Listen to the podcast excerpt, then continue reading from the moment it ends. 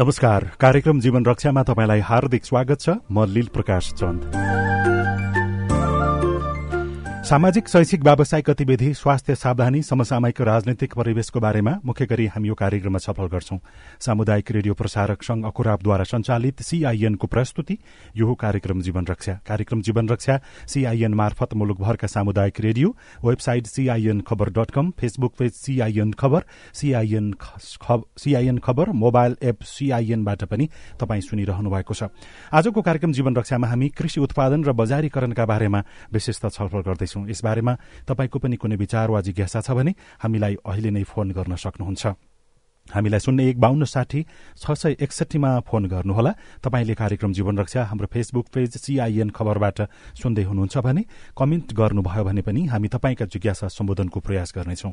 आजको कार्यक्रम जीवन रक्षामा शुरूमा कुराकानीका लागि राष्ट्रिय सभाको दिगो विकास तथा सुशासन समितिका सभापति प्रकाश पन्थ अहिले टेलिफोन सम्पर्कमा हुनुहुन्छ। सभापतिज्यू स्वागत छ यहाँलाई कार्यक्रम जीवन रक्षामा। हुन्छ नमस्कार विशेष गरी अब अहिले बजारमा सबभन्दा धेरै चर्चा भइराखेको विषय मध्येको एउटा भनेको किसानले उत्पादन गरेको जुन उत्पादन छ यसले बजार पाएन भन्ने छ। दिगो विकास यहाँहरूको समिति अब किसान अब आत्मनिर्भर हुने कुराहरू त्यसमा समेटिन्छन्। समितिले के गरिराखेको छ? अब के हो छलफल गर्ने हो कि कसरी अगाडि बढ्दैछ? सभापतिज्यू। सभापतिज्यू सुन्दै हुनुहुन्छ? तुरन्त तुरन्तै हामीले किसानका विषयहरूमा कृषिका विषयहरूमा हामीले संवेदनशील भएर हेरेका छौँ अब हामीले सुरुमै पनि अब यो किसानहरूले वर्षैदेखि नै अब आन्दोलन गर्नुपर्ने समयमा भुक्तानी नपाउने समस्याहरू थियो त्यो विषयमा हामीले सुरुका मितिदेखि नै छलफलहरू गरेपछि मन्त्रालयलाई पनि बोलाएर उद्योग मन्त्रालय अरू सरकारवाला सबैलाई बोलाएर हामी छलफलहरू गरे पछाडि अहिले अघिल्लो अघिल्लो वर्ष जस्तो चाहिँ समस्या त्यति नरहेको र धेरै जसोले भुक्तानी पनि पाइसकेको कुराहरू अहिले मन्त्रालयले हामीलाई दृष्टि गरिरहेको अवस्था छ। यो चाहिँ किसानको कुरा होइन सभापतिज्यू उखु किसानको अनि त्यो सँगसँगै अब मलखात छैन मलखात भएर उत्पादन बढ्छ उत्पादन बढेर अस्ति देख्नुभयो होला चितवनमा सडकमा लगेर सब त्यो ट्रक लगायतका साधनबाट त्यो किचेर जुन प्रकारको दृश्य देखाइयो एउटा सभापतिको रूपमा दिगो विकास तथा सुशासन समितिको सभापतिको रूपमा तपाईँले कसरी लिनुभयो? अब बजारको व्यवस्थापनको पाटोमा फेरि छलफल गर्ने हो कि अथवा त्यो विषय हाम्रो होइन भन्ने यहाँको धारणा हो? होइन विषय त्यो सबै विषयहरू हाम्रो विषयहरू हो। हामीले लगातार कृषि मन्त्रालयसित हामी छलफल गरिरहेका छौँ। हामीले उप किसानको समस्याको विषयमा पनि छलफल गऱ्यौँ यसै गरी हामीले मलहरू अबको हिउँदमा हिउँदमा अबको बर्खामा चाहिँ किसानहरूले समयमै मल पाउने कुराको सुनिश्चित होस् भएर हामीले सरकारलाई कार्ययोजना सहित आउ भएर हामीले त्यहाँ कार्ययोजना बनाउने म्याचहरू दिएका छौँ।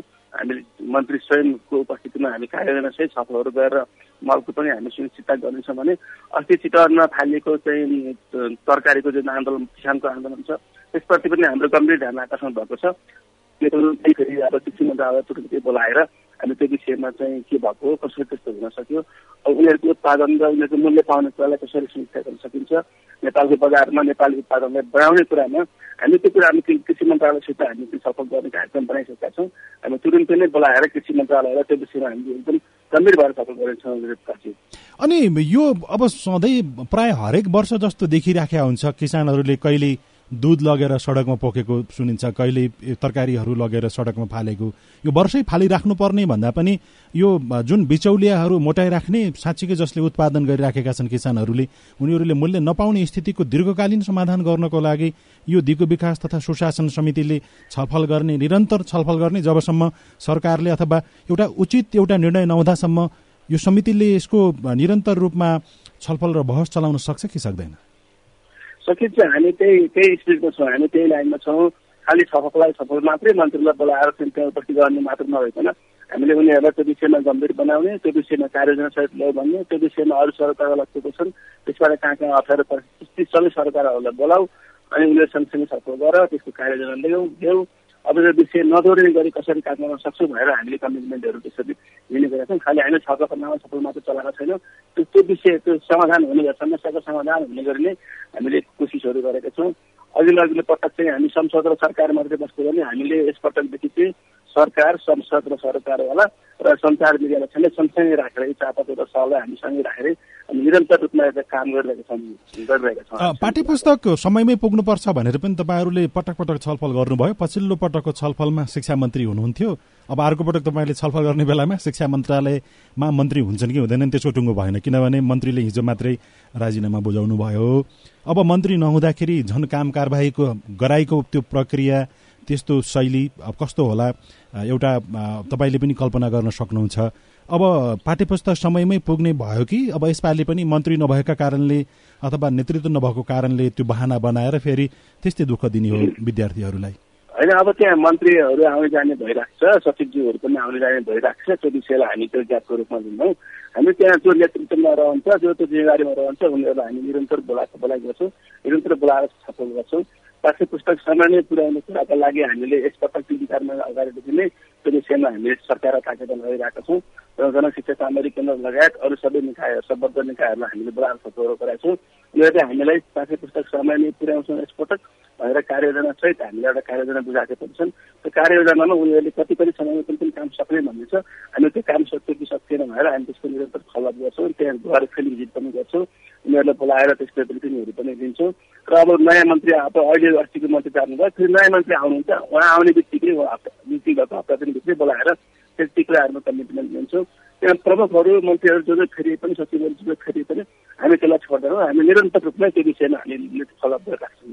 अनि तपाईँहरूको छलफलको विषय यो बाहेक अरू केही पनि छ योजना? यो यो विषयमा छलफल गरेर जाने भने कार्यतालिका बनाएर अगाडि बढ्नु भएको छ कि छैन?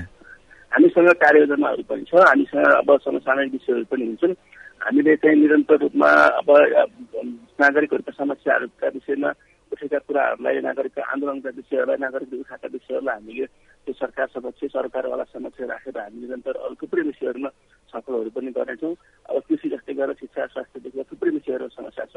विगत विकासले विगत विकासको चाहिँ नेपालले सत्रवटा लक्ष्यहरू छ त्यो सरकारभरि पनि छ। त्यसलाई नेपाल सरकारले अग्रह गरेको छ। त्यसलाई सही तरिकाले कार्यान्वयन गर्ने कुरामा कहाँ कहाँ कुन कुन समस्या छ ती विषयहरूमा हामी क्रमशः त्यो विगत विकास कार्यान्वयनको अवस्था के छ त्यहाँ कहाँनिर ग्यापहरू छ त्यो नीतिगत समस्या छ कि त्यहाँ मन्त्रालय कर्मचारीको समस्या छ कि अरू के के समस्या छ। हामी निरन्तर त्यो विषयमा छलफलहरू गरिरहेका छौँ। हामी जहाँ जहाँ समस्या छ त्यो त्यो समस्यामा चाहिँ हामी कामहरू गर्दैछौँ र सुशासनका दृष्टिले पनि सेवा प्रवाहदेखि लिएर सभापतिज्यू अरू विषयमा जुन समितिले गरिराखेको काम कारवाहीको बारेमा हामी फेरि छलफल गरौँला। अहिले हामीसँग पूर्व सचिव कृष्ण हरि बाँसकोटा हुनुहुन्छ। म तपाईँलाई उहाँसँग कुराकानी गर्दै के कुराको बढी जोड होस् भन्ने चाहन्छु भने जस्तो किसानले उत्पादन हरेक वर्ष हाम्रो कृषि प्रधान देश भनेर भन्ने त्यसै त कृषि क्षेत्रबाट झन्डै झन्डै साढे एक तेह्र प्रतिशत जनसङ्ख्या बाहिरियो भनेर पनि विभिन्न तथ्याङ्क आइराखेको छ। एउटा समिति संसदीय समितिको हातमा अथवा संसदीय समितिको बसमा कति हुन्छ? तपाईँले के के गर्दा राम्रो हुन्छ भन्ने म उहाँको सुझाव तपाईँलाई सुनाउँछु त्यसपछि तपाईँलाई विदा गरौँला सचिवजी स्वागत छ यहाँलाई कार्यक्रम जीवन रक्षामा। नमस्कार। अहिले हामीसँग दिगो विकास तथा सुशासन समितिका सभापति प्रकाश पन्थज्यू हुनुहुन्छ। यहाँसँगको कुराकानीलाई निरन्तरता अगाडि बढाउनुभन्दा अगाडि यो जुन किसानले उत्पादनको मूल्य नपाउने र बजारमा हरेक वर्ष सडकमा त्यो पोखिदिनु पर्ने त्यो एउटा ध्यानकर्षण गराइराख्नुपर्ने स्थिति छ। त्यसको अन्त्य गर्नको लागि एउटा संसदीय समितिको भूमिका कति हुन्छ? मान्यज्यूले यो यो विषयमा गरिदिनु भयो भने हामीले सधैँभरि त्यो पोखिराख्नुपर्ने स्थिति आउँदैन भन्ने यहाँको सुझाव के छ छोटकरीमा? मैले चाहिँ मान्यज्यूलाई हार्दिकता सम्मान गर्दै के भन्छु भने पहिलो कुरो त हामी मान्यज्यूले सबै संसदलाई के भनिदिनु पर्यो भने सबै दल सबै राजनेताहरूले कृषिलाई बोठे भक्ति मात्रै गर्नुभयो? कृषिप्रति साँच्चै कोही पनि इमान्दार हुनुहुन्न? त्यसमा केही लाज मान्न पर्ने असजिलो मान्न पर्ने विषय नै छैन। त्यस दोस्रो कुरो भनेको नेपालको अर्थतन्त्र नेपालमा जो मै भन्ने अर्थशास्त्रीले बोले पनि नेपालको अर्थतन्त्र कृषिमा आधारित छ। कृषिलाई हेला गरेर हाम्रो अर्थतन्त्र कहीँ जाँदैन। नेपालका साउ महाजन लखपति अरबपति सबै कृषिमा लगानी गर्दैनन्। यिनीहरूका माल उदर गर्ने मात्रै छन्। तेस्रो कुरो हाम्रो जतिसुकै अर्थमन्त्रीले राष्ट्रपतिको गभर्नरले वित्तीय नीति एकदम चाहिँ मौद्रिक नीति जे जे कनी कुथी ल्याए पनि त्यसमा कृषिको कुरो अत्यन्त कम हुन्छ। केही के अपवादमा अर्थमन्त्रीले केही के अपवादका राष्ट्रपतिका गभर्नरले मौद्रिक नीतिमा कृषिलाई प्राथमिकता नदिएका होइनन्। तर वास्तवमा त्यो कुरो त्यति राम्रोसँग फेरि कार्यान्वयन तहमा आउन सकेन। बास्को दाजु यहाँनिर अहिले यो समिति एउटा संसदीय समिति मानौ न दिगो विकास तथा सुशासन समितिको अहिले सभापतिज्यू हुनुहुन्छ। समितिको बसमा कति हुन्छ कि किसानको उत्पादनले उचित मूल्य पाउनको लागि हुन त सरकार नै हामी उसले सरकारले गर्नुपर्छ भनेर भन्छौँ तर संसदीय समिति भनेको त्यो सानो आकारको संसद नै हो। उहाँहरूको भूमिका के हो के भइदियो भने सरकारलाई दबाव पुग्छ सरकारले उचित निर्णय गर्छ भन्ने तपाईँको सुझाव हो। वास्तवमा यस्तो हो तपाईँ तपाईँले सभापति हुनुहुन्छ भन्ने कुरा मैले बुझिराखेको छु। तर यसको केही पृष्ठभूमिका कुरा नै जानकारी नहुँदा एकैताल त्यसको समाधानमा ठ्याक्क ठ्याक्क दिन नसकिएको मात्रै हो। हाम्रो गणितमा के हुन्छ भने दुई इन्टु दुई चारको सट्टा त्यो कसरी दुई इन्टु दुई चार इन्टु भनेको के हो? कसरी चारमा आउँछ भने यसका तर्क हुन्छ। त्यही मैले तर्क व्यक्त गर्दै थिएँ। नत्र मान्यज्यूले गर्न सक्ने भनेको त हामी सबैलाई थाहा छ मिनी संसदले गर्न पनि सक्छ मिनी संसदले गर्न पनि सक्दैन। यो दुइटै बाटोबाट हेर्दाखेरि हुन्छ। स्वयं कृषि मन्त्रीले गर्न सकेका छैन कृषि मन्त्रीले ढुङ्गा कराउँदा अर्थमन्त्रीले बजेट दिएको छैन अब संसदको समितिबाट कहाँबाट बजेट ल्याउने मुख्य कुरो यसमा चाहिँ रकमै छैन। म अर्थ सचिव हुँदा अनेक प्रयत्न गर्दाखेरि दुई अरब तिन अरब रुपियाँ बढ्यो। मैले बुझ्दा अहिले ओभरअल मन्त्रालय कृषि मन्त्रालयको बजेट सत्तालिस अरब छ। जबकि स्वास्थ्यको बजेट पनि यस्तै सत्तालिस अरब जस्तै थियो। कोभिडको कारणले गर्दा अहिले उनीहरू डेढ खर्ब बजेटमा पुग्नुभयो तिन वर्षको अवधिमा। तर कृषिले यसरी चाहिँ पहिला सुरुमा विनियोजनमा नै पहिला फड्को मार्न सकेन। किसानमा राहत दिने कुरै आएन। दोस्रो कुरा भनेको कृषिमा कुनै अनुसन्धानै हुँदैन। त्यो नार्क भने तपाईँले के कृषिका अनुसन्धान गरी सुन्न भएको छ मान्यजीले बोलाएर सोध्नु होला ती सबैले त बजेटको नब्बे प्रतिशत तलब खान्छन्। बाँकी रहेका दस प्रतिशतले कुनै किसिमको चाहिँ पनि अनुसन्धान गर्न सक्ने अवस्थै छैन। कृषिको चाहिँ जुन हामीले समर्थन मूल्यमा खरिद गर्ने भन्छौँ त्यसको निमित्त नेपाल सरकारले जसरी आइएनएमलाई अरब अरब ऋण दिन्छ नि त्यो सुनिरहनु भएको छ। त्यसै गरी नेपालमा सातैवटा प्रदेशमा मुख्यमन्त्रीहरूले सातवटा ठुल्ठुला सार्वजनिक गोदाम बनाउनु पर्छ। प्रत्येक पालिकाले किसानसँग खरिद गर्ने गरी मेरो चाहिँ कुल बजेट एक अर्ब रुपियाँ हो। त्यसको पाँच प्रतिशत पाँच करोड रुपियाँको किसानसँग सामान खरिद गर्ने मात्रै पैसा छुट्याएको छु भन्नुपर्छ। नेपालका सात सय त्रिपन्नवटा पालिकाले यो डोजर किन्न यो अथवा चाहिँ के भनौँ रिपर के स्क्याभेटर किन्न यो सबै बाटो खन्ने मेसिन किन्न उनले करोड करोड खर्च गरेका छन्। किसानको चाहिँ समर्थन मूल्यमा सामान खरिद गर्न केही अपवादका पालिकाले भए केही बजेट छुट्या छैनन्। प्रदेश सरकारलाई पनि यो विषयको जानकारी छैन। मुख्य कुरो किसानको जुन बेला उत्पादन हुन्छ त्यो बेलामा समर्थन मूल्यमा किनिदिनु पर्छ। केही समय चार महिना मात्रै अडाइदिने बित्तिकै स्वत अन्तर्राष्ट्रिय बजारमा त्यसको मूल्य किन फसल भनेको चाहिँ सिजनमा फल्छ। सिजनमा किसानलाई नबेची हुँदैन। अब सिजनमा बेच्दाखेरि मूल्य पाइँदैन। त्यो कोल्ड स्टोरमा राखेर हामीले चौबिसै बाह्रै महिनाले स्याउ खाइरहेछौँ चाइनिज स्याउ। त्यो के भएर कोल्ड स्टोरबाट खाएन हो। हामीले चौबिस बाह्रै महिना चाहिँ अङ्गुर खाइरहेछौँ भारतीय। भारत सरकारले त्यसलाई त्यसमा राख्दैन हो। तर नेपालको त हामीले चाहिँ मुला नेपालको काउली नेपालको रायोको साग हामीले बाह्रै महिना त खान सक्दैनौँ। किनभने हामीसँग त्यो फेसिलिटी नै छैन। हामीले केसम्म भनेका थियौँ भने जसरी एम्बुलेन्स हिँड्छ त्यसै गरी कृषिको सामान बोकेको चाहिँ नि यो एम्बुलेन्स हिँड्छ भनेका कृषि एम्बुलेन्स हिँड्छ सम्म हामीले भन्यौँ अब त्यति नभएर किसानको चाहिँ नि त्यो तरकारी कुनै पनि बसवालाले ट्रकवालाले हाल्दै हाल्दैन। सहकारीहरूले अलिअलि गरेका छन्।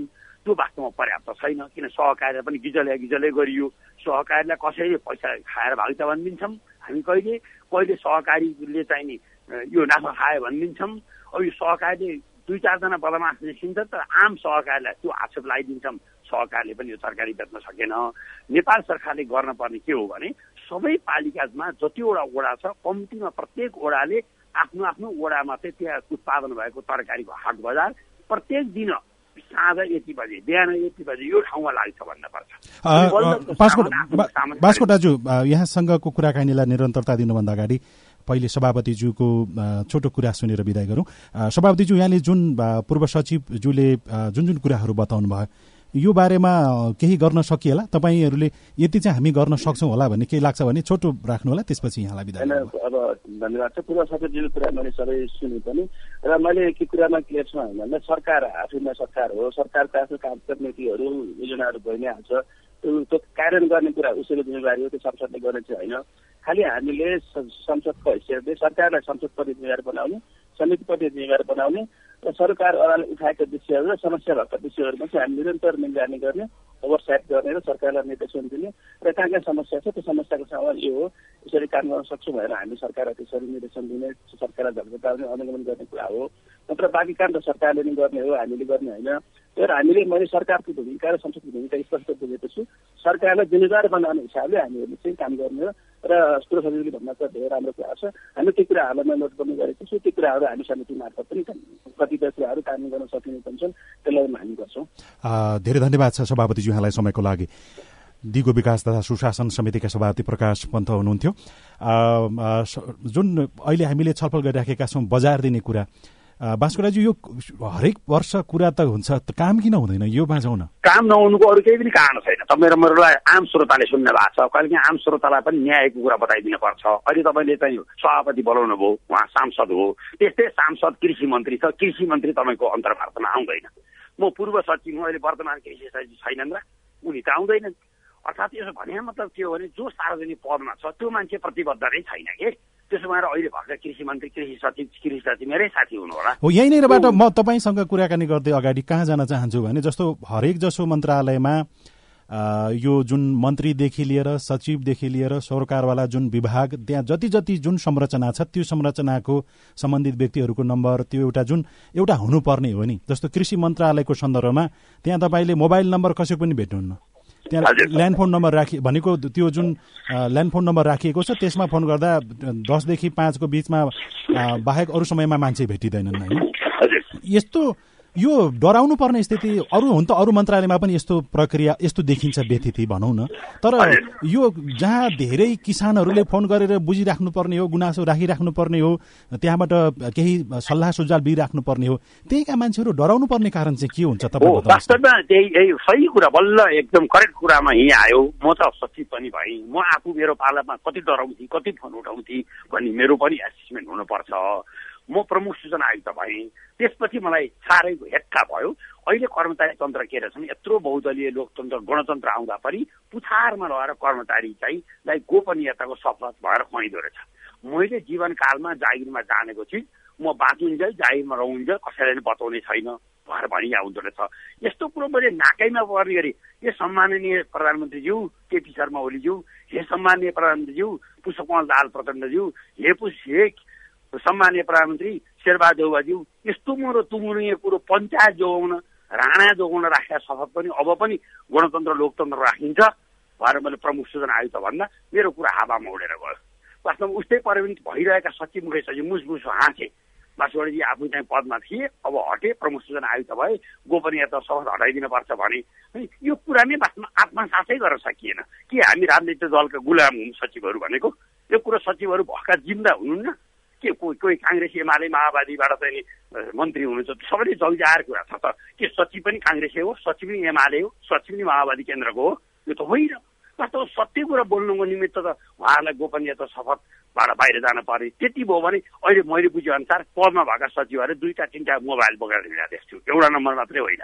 अब उहाँहरू उसले पर दिए मार्फत पनि टेलिफोन नउठाउने सचिवहरूले पनि मन्त्रीहरूले पनि वास्तवमा कोही त्यसमा सबैजना बदमास हुनुहुन्न। तर कतिले चाहिँ तपाईँले भन्नु सही कुरा भन्नुभयो। वास्तवमा सही कुरो नै थम्नु नसक्दा सचिवहरूले आफ्नो पहिचान पाउनु भएन। त्यही भएर पदमा रहँदाखेरि जनतासँग स्टेक होल्डर सरकारवालासँग सम्पर्कमा आइएन भने सचिवहरूले ख्याल राख्नु भए हुन्छ। अब पाँच वर्ष रिटायर भएपछि तपाईँलाई कसैले किन्नेवाला छैन। अब यो सधैँ सधैँ निरन्तर यस्तो जुन भाग्न खोज्ने प्रवृत्तिको अन्त्य नहुनुको कारण भनेको प्रधानमन्त्रीले एउटा उचित निर्देशन दिएर सबैका सबै व्यक्ति चाहिँ सेवाग्राहीको सम्पर्कमा आउनु भन्नुपर्ने हो कि मन्त्रीले त्यो कुरा भन्नुपर्ने हो कि अथवा ती जो कर्मचारीहरू मन्त्रालयदेखि विभिन्न विभागमा काम गर्छन् उनीहरूलाई अर्को कुनै संयन्त्रले सेवाग्राहीसँग सम्पर्कमा रहिराख्नुपर्छ गुनासो सुन्नुपर्छ भनेर छुट्टै कक्षा दिनुपर्ने लिनुपर्ने हो त। वास्तवमा यस्तो कुरा चाहिँ अत्यन्त कठिन छ। एउटा कुरो त अख्तियार दुरुपयोग अनुसन्धान आयो भन्नेको तरबार पनि झुन्ड्याइया छ। जे काम गरे पनि अख्तियार लाग्छ भन्ने सिंहदरबारभित्र ठुलो भय छ। अख्तियारले कतिलाई कारवाही गर्यो? आम जनता तपाईँ म दुईवटा देखिरहेछौँ तर पनि एउटा भय चाहिँ के छ भने तपाईँले अहिले कसैलाई गएर चाहिँ यसो यो काम गरिदिनु पर्यो सजिलो उहाँहरू भन्नु पऱ्यो ओहो यो त अख्तियार लागिहाल्छ। भनिदिइहाल्ने भाइ। दोस्रो मिडियासँग म पो अलिकति मिडियासँग नजिक भएँ।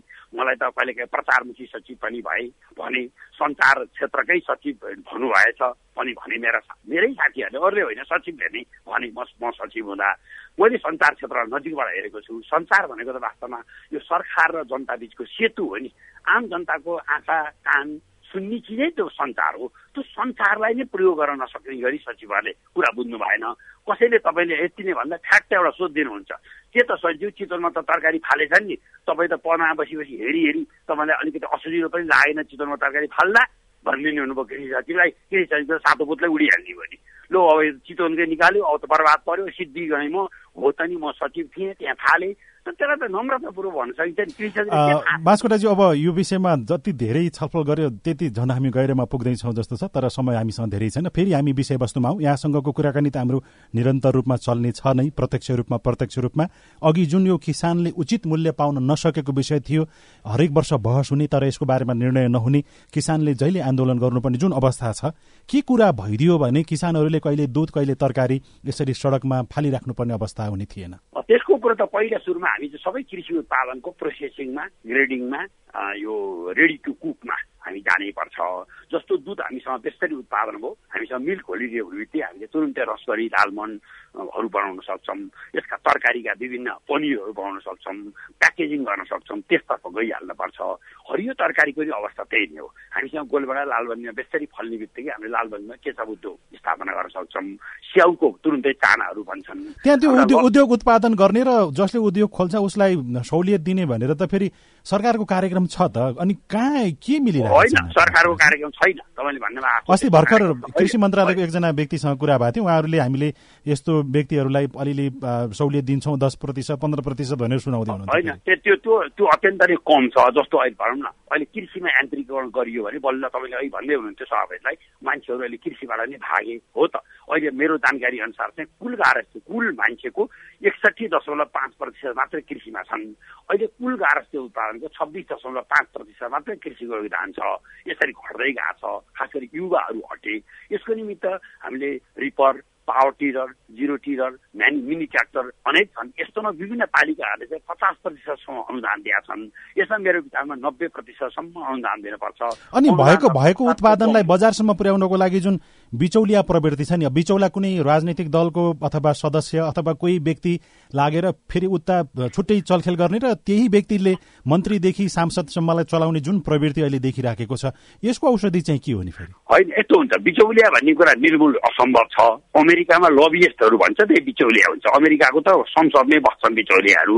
जसले जुन कुरो असम्भव छ असम्भव कुरामा जानुहुन्न त्यही भएर बिचौलिया चाहिने चाहिएन म भनिरहेको छु त। कुनै पनि गाउँपालिकाको प्रत्येक वडा वडामा तरकारी चाहिन्छ।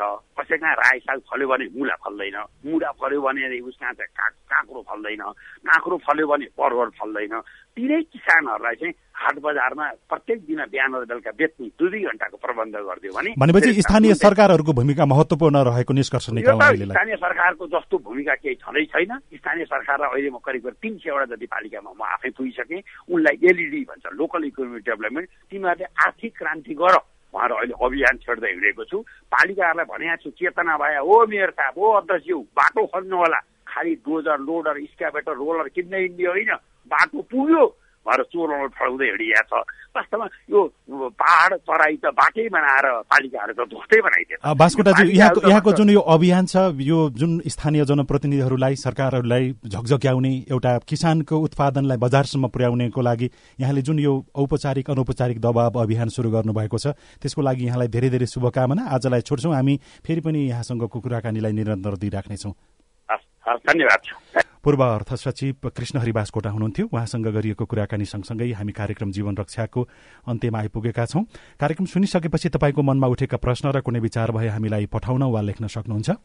यसका लागि हाम्रो इमेल ठेगाना साझा खबर at Gmail dot com IVR number शून्य एक बाहन्न साठी छ चार छमा फोन गरेर दिइएको निर्देशन अनुसार आफ्नो विचार रेकर्ड गर्न सक्नुहुन्छ। प्राविधिक साथी सुभाष पन्तलाई धन्यवाद दिँदै रेडियो कार्यक्रम जीवन रक्षाको आजको अङ्कबाट हामी सबै विदा हुन्छौ। नमस्कार।